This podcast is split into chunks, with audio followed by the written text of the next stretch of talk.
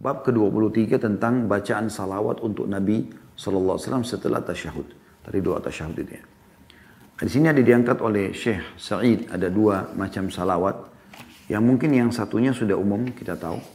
Tinggal yang keduanya saja. Ya. Tapi juga akan kita jelaskan makna-maknanya insya Allah. Yang pertama yaitu di halaman 50 di bab 23 ada footnote nomor 70 hadis ini diriwayatkan oleh Bukhari yaitu Nabi SAW mengajarkan setelah tasyahud, Allahumma salli ala Muhammadin wa ala ali Muhammadin. Kama sallaita ala Ibrahim wa ala ali Ibrahim. Innaka hamidun majid. Allahumma barik ala, ala Muhammadin wa ala ali Muhammad. Kama barakta ala Ibrahim wa ala ali Ibrahim. Innaka hamidun majid. Ya Allah, limpahkanlah salawatmu kepada Nabi Muhammad dan keluarganya atau keluarga Nabi Muhammad SAW. Sebagaimana engkau telah melimpahkan salawat kepada Nabi Ibrahim dan keluarga Nabi Ibrahim. Sesungguhnya engkau maha terpuji lagi maha agung. Ya Allah, limpahkanlah keberkahan kepada Nabi Muhammad dan keluarga Nabi Muhammad alaihi wassalatu wassalam. Sebagaimana engkau telah melimpahkan keberkahan kepada Nabi Ibrahim dan keluarga Nabi Ibrahim. Sesungguhnya engkau maha terpuji lagi maha agung. Yang kedua, saya akan baca dulu, kemudian kita masuk ke syarahnya atau penjelasan insya Allah. Yaitu yang diriwayatkan oleh Bukhari juga dan Muslim. Dan hadis ini adalah lafaz ini lafaz Imam Muslim. Yaitu Anda bisa pilih ini atau yang pertama tadi ya. Yang kedua ini adalah Allahumma salli ala Muhammadin wa ala azwajihi wa dhurriyatihi. Kama sallaita ala ali Ibrahim. Wa barik ala Muhammadin wa ala azwaji wa dhurriyatihi kama barakta ala ali Ibrahim innaka Hamidum Majid. Ya Allah, limpahkanlah salawatmu kepada Nabi Muhammad, istri-istri dan anak-anak keturunan beliau. Sebagaimana engkau telah melimpahkan salawat kepada keluarga Nabi Ibrahim. Dan limpahkanlah keberkahan kepada Nabi Ibrahim. Limpahkanlah keberkahan kepada Nabi Muhammad istri-istri dan anak keturunan beliau sebagaimana engkau telah melimpahkan keberkahan kepada keluarga Nabi Ibrahim sesungguhnya engkau maha terpuji lagi maha agung. Kita akan coba lebih dalam membahas masalah ini. Yang pertama teman-teman sekalian salawat kepada Nabi SAW adalah ibadah yang sangat mulia. Maka jangan pernah mengharamkan diri dari pahala mulia ini. Bahkan Nabi Muhammad SAW mengingatkan dalam hadis tentang kehinaan seseorang yang mendengarkan nama beliau sallallahu alaihi wasallam sebutkan lalu dia tidak baca salawat. Kata Nabi SAW, ragama amfum brin man ida sami'tu yudhkaru inda walam yusallim alaihi. Sungguh terhina seseorang. Ragama amfu itu nanti terhina. Kalau bahasa letterletnya, hidungnya sejajar dengan tanah. Tapi itu bahasa terhina maksudnya. Siapa yang mendengarkan namaku disebutkan di hadapannya atau di sisinya, Kemudian dia tidak mengucapkan salam kepadaku. Itu dari sisi ancaman. Sisi keutamaannya kata Nabi SAW, Man salla alaihi marratan, sallallahu alaihi biha asyara. Siapa yang mengucapkan salam kepadaku satu kali, Allah akan mengucapkan salam kepadanya sepuluh kali. Pernah ada seorang sahabat mengatakan, Ya Rasulullah, kalau saya ingin menyisipkan waktu untuk berzikir, dan saya menyisipkan sebagian waktu buat baca salawat kepada anda, sepertiganya. Kata Nabi SAW, bagus. Tapi kalau kelebihkan, lebih baik lagi. Dia mengatakan kalau gitu saya akan lowongkan setengah. Misalnya Anda meluangkan waktu setengah jam untuk berzikir kepada Allah SWT. Selain berzikir rutin ya, Anda lagi duduk, lagi mau mengisi waktu berzikir kepada Allah, maka orang ini mengatakan kalau gitu setengahnya. Kata Nabi SAW, bagus. Tapi kalau kau tambah lebih baik lagi. Kata dia kalau begitu tiga perempatnya. Kata Nabi SAW, bagus, tapi kalau kau lebihkan lebih bagus lagi. Dia mengatakan, kalau begitu ya Rasulullah, seluruhnya. Artinya setiap kali, selain zikir rutin, zikir pagi petang, istighfar yang seratus kali, di waktu lowong, saya ingin meluangkan waktu khusus untuk berzikir. Zikir apa yang paling bagus saya pilih? Nabi SAW memotivasi dia untuk baca salawat kepada beliau. Sampai waktu orang ini mengatakan, kalau gitu saya akan jadikan di waktu lowong itu semuanya salawat buat anda. Apa kata Nabi SAW? Kalau begitu, akan dihilangkan rasa sumpek atau permasalahanmu dan akan diampuni dosa-dosamu. Jadi kedudukannya tinggi sekali sallallahu alaihi wasallam. Jadikan sebagai zikir rutin. Kalau anda kepanjangan misalnya membaca salawat yang seperti kita baca ini, maka anda cukup baca Allahumma salli ala Muhammad, Allahumma salli ala Muhammad, Allahumma salli ala Muhammad, Allahumma salli ala Muhammad.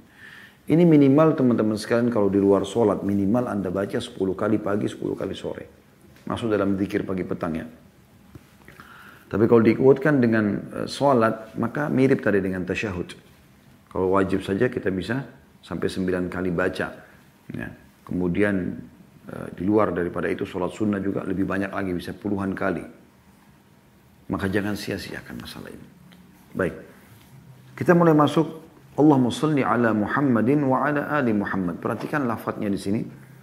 Memang lafadznya datang seperti ini dalam hadis. Jadi tidak disebutkan Allahumma salli ala nabiyina Muhammad, Allahumma salli ala sayyidina Muhammad. Memang langsung Allahumma salli ala Muhammadin wa ala ali Muhammad. Memang begitu lafadz hadisnya. Anda kalau kembali kepada riwayat Bukhari, riwayat Muslim memang seperti itu bunyinya. Dan ini sama sekali tidak tidak tidak mengurangi kedudukan beliau Shallallahu Alaihi Wasallam. Ya, karena kita terbiasa di Indonesia seakan-akan kalau kita tidak sebutkan sesuatu sebelumnya kita tidak hormati. Enggak. Kalau lafaz datang seperti ini ya. Tapi boleh nggak kita bilang Sayyidina Muhammad, Nabi Muhammad, Rasul Rasulullah Muhammad Sallallahu Alaihi Wasallam? Boleh. Cuman orang mukmin yang bijak adalah dia meletakkan semua pada tempatnya lafad dalam salawat yang datang diajarkan langsung dari lisan baginda Nabi SAW adalah ini.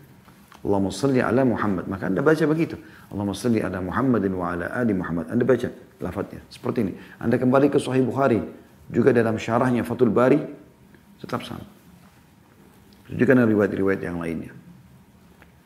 Tapi kalau di luar sholat, anda mau baca Allahumma salli ala Sayyidina Muhammad, Allahumma salli ala Nabi Muhammad dalam khutbah, dalam tidak ada masalah. Gitu kan. Cuma di sini kita bicara khusus masalah lafaz tahiyat Gitu kan. Itu sangat bagus. Baik. Allahumma salli ala Muhammad artinya limpahkanlah salawatmu. Artinya semua hal-hal baik dari sisimu ya Allah. Limpahkan kepada Nabi Muhammad SAW. Lalu keluarga Nabi Muhammad SAW. Ini menandakan beliau punya keluarga. Dan masuk dalam keluarganya adalah para istrinya, para keturunannya. Semuanya kita bacakan salawat kepada mereka. Alaihissalatu Ini kemuliaan yang Allah berikan. Ya. Dan saking mulianya keluarga Nabi Muhammad SAW sampai Umar bin Khattab pernah uh, menikahi anaknya Ali bin Abi Thalib radhiyallahu anhu yang bernama Ummu Kalthum, adiknya Hasan dan Husain radhiyallahu alaihim jami'an.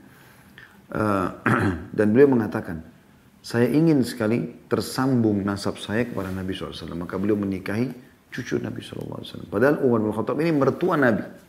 Dan beliau pun menikahkan anaknya Hafsah dengan Nabi SAW karena berharap itu. Ada hubungan kekerabatan dengan Nabi SAW. Karena ini sebuah kemuliaan. Ini sebuah kemuliaan. Dan kita mengucapkan salam hormat kita ini kepada Nabi Muhammad SAW dan keluarga beliau. Lalu kita katakan kama sallaita ala Ibrahim wa ala ali Ibrahim sebagaimana engkau telah melimpahkan salawat semua kebaikan kepada Ibrahim dan keluarga Ibrahim. Ya. Dan sini juga kita lihat tidak ada Sayyidina Ibrahim, Nabi Yuna Ibrahim. Memang lafadznya seperti itu. Tanpa mengurangi apa yang diucapkan langsung dari mulut suci Nabi Muhammad sallallahu alaihi wasallam. Itu jauh lebih tepat. Ya. Dan ini yang dimaksud dengan adalah bagaimana Allah Subhanahu Wa Taala memang ya, telah melimpahkan kebaikan-kebaikan kepada Ibrahim AS dan keturunannya. Lalu dikatakan inna hamidum majid sungguhnya engkau maha terpuji lagi maha agung. Artinya kami minta yang engkau berikan ya Allah kepada Nabi Muhammad SAW dan keluarganya juga Ibrahim AS dengan keluarganya adalah yang terbaik dari yang telah engkau sisipkan dan siapkan untuk mereka. Kemudian Allah mabarik ala Muhammadin wa ala ali Muhammad. Ya Allah limpahkanlah keberkahan kepada Nabi Muhammad dan juga keluarga Nabi Muhammad. Keberkahan maksudnya kecukupan. Berkah artinya cukup. Atau bisa lebih luas daripada itu maknanya. Tapi ini salah satu maknanya. Sebagaimana engkau telah melimpahkan keberkahan kepada Nabi Ibrahim dan keluarga Nabi Ibrahim. Kama barakta ala Ibrahim wa ala ali Ibrahim. Innaka hamidun majid. Sesungguhnya engkau maha terpuji lagi maha agung. Ini bentuk salawat yang pertama. Salawat yang kedua ini memberikan gambaran kepada kita rincian tentang makna Ali Muhammad, keluarga Muhammad sallallahu alaihi wasallam. Yaitu salawat yang kedua Allahumma salli ala Muhammadin wa ala azwajihi wa dhurriyyatihi. Nah ini rincian daripada Ali Muhammad. Ya Allah, limpahkanlah salawatmu kepada Nabi Muhammad, istri-istri dan anak-anak keturunan beliau. Berarti yang dimaksud dengan Ali Muhammad bukan cuma anak cucunya. Ya, sebagaimana orang-orang Syiah katakan. Orang-orang Sunni mengatakan tidak. Istri-istrinya pun masuk. Karena dalam riwayat ini, dan ini riwayat juga riwayat Bukhari Muslim, wa ala azwajihi dan seluruh istri-istri beliau. Karena istri-istri Nabi SAW bersama beliau di dunia bersama juga beliau dengan, di akhirat nanti. Wa dan keturunan-keturunannya. Berarti rincian daripada Ali Muhammad adalah ini. Kama sallaita ala ali Ibrahim sebagaimana engkau telah mengucapkan atau engkau telah melimpahkan salawat kepada keluarga Ibrahim. Nah perhatikan sini teman-teman bedanya antara salawat pertama sama salawat kedua. Kalau salawat pertama ada kama sallaita ala Ibrahim wa ala ali Ibrahim. Jadi dua. Diberikan sebagaimana engkau limpahkan ya, salawatmu kepada Ibrahim dan keluarga Ibrahim alaihi. Gitu kan. Kalau di sini cuman Ali Ibrahim, tidak disebutkan lagi Nabi Ibrahimnya. Memang begitu lafadznya. Dan sekali lagi, orang mukmin yang cerdas, yang mengejar pahala maksimal adalah menyebutkan lafadz seperti yang diajarkan oleh Nabi Shallallahu Alaihi Wasallam. Karena Nabi SAW pernah mendoakan semoga Allah merahmati seseorang yang menukil seperti apa yang aku sampaikan. Jadi salawat yang kedua, perbedaannya adalah Ali Muhammad di salawat pertama diganti dengan ala azwajihi wa dhurriyatihi.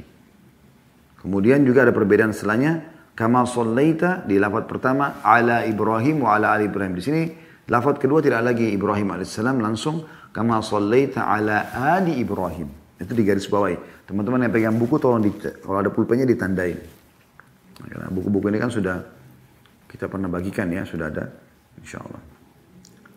Wabarik ala Muhammadin. Perhatikan lafadznya juga sama dan berkahilah kepada Nabi Muhammad. Di sini tapi di sini katakan ala Muhammad kepada Muhammad sallallahu alaihi wasallam wa ala azwaji wa dzurriyyati. Ini rincian daripada al Muhammad tadi ya.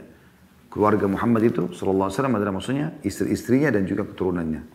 Kama barakta ala ali Ibrahim innaka Hamidum Majid sebagaimana engkau telah memberikan keberkahan kepada keluarga Ibrahim. Ya, perhatikan lafaz di sini tidak lagi Ibrahimnya alaihissalam tapi langsung al Ibrahim, keluarga Nabi Ibrahim AS, inna hamidum majid. Sungguhnya engkau zat yang maha terpuji dan maha agung. Ya. Teman-teman sekalian, uh, walaupun Nabi Muhammad SAW adalah keturunan Nabi Ibrahim AS juga, tapi di sini dibedakan atau disebutkan keduanya. Karena jarak yang cukup jauh antara Ibrahim AS dengan Muhammad alaihi wassalam. Ya.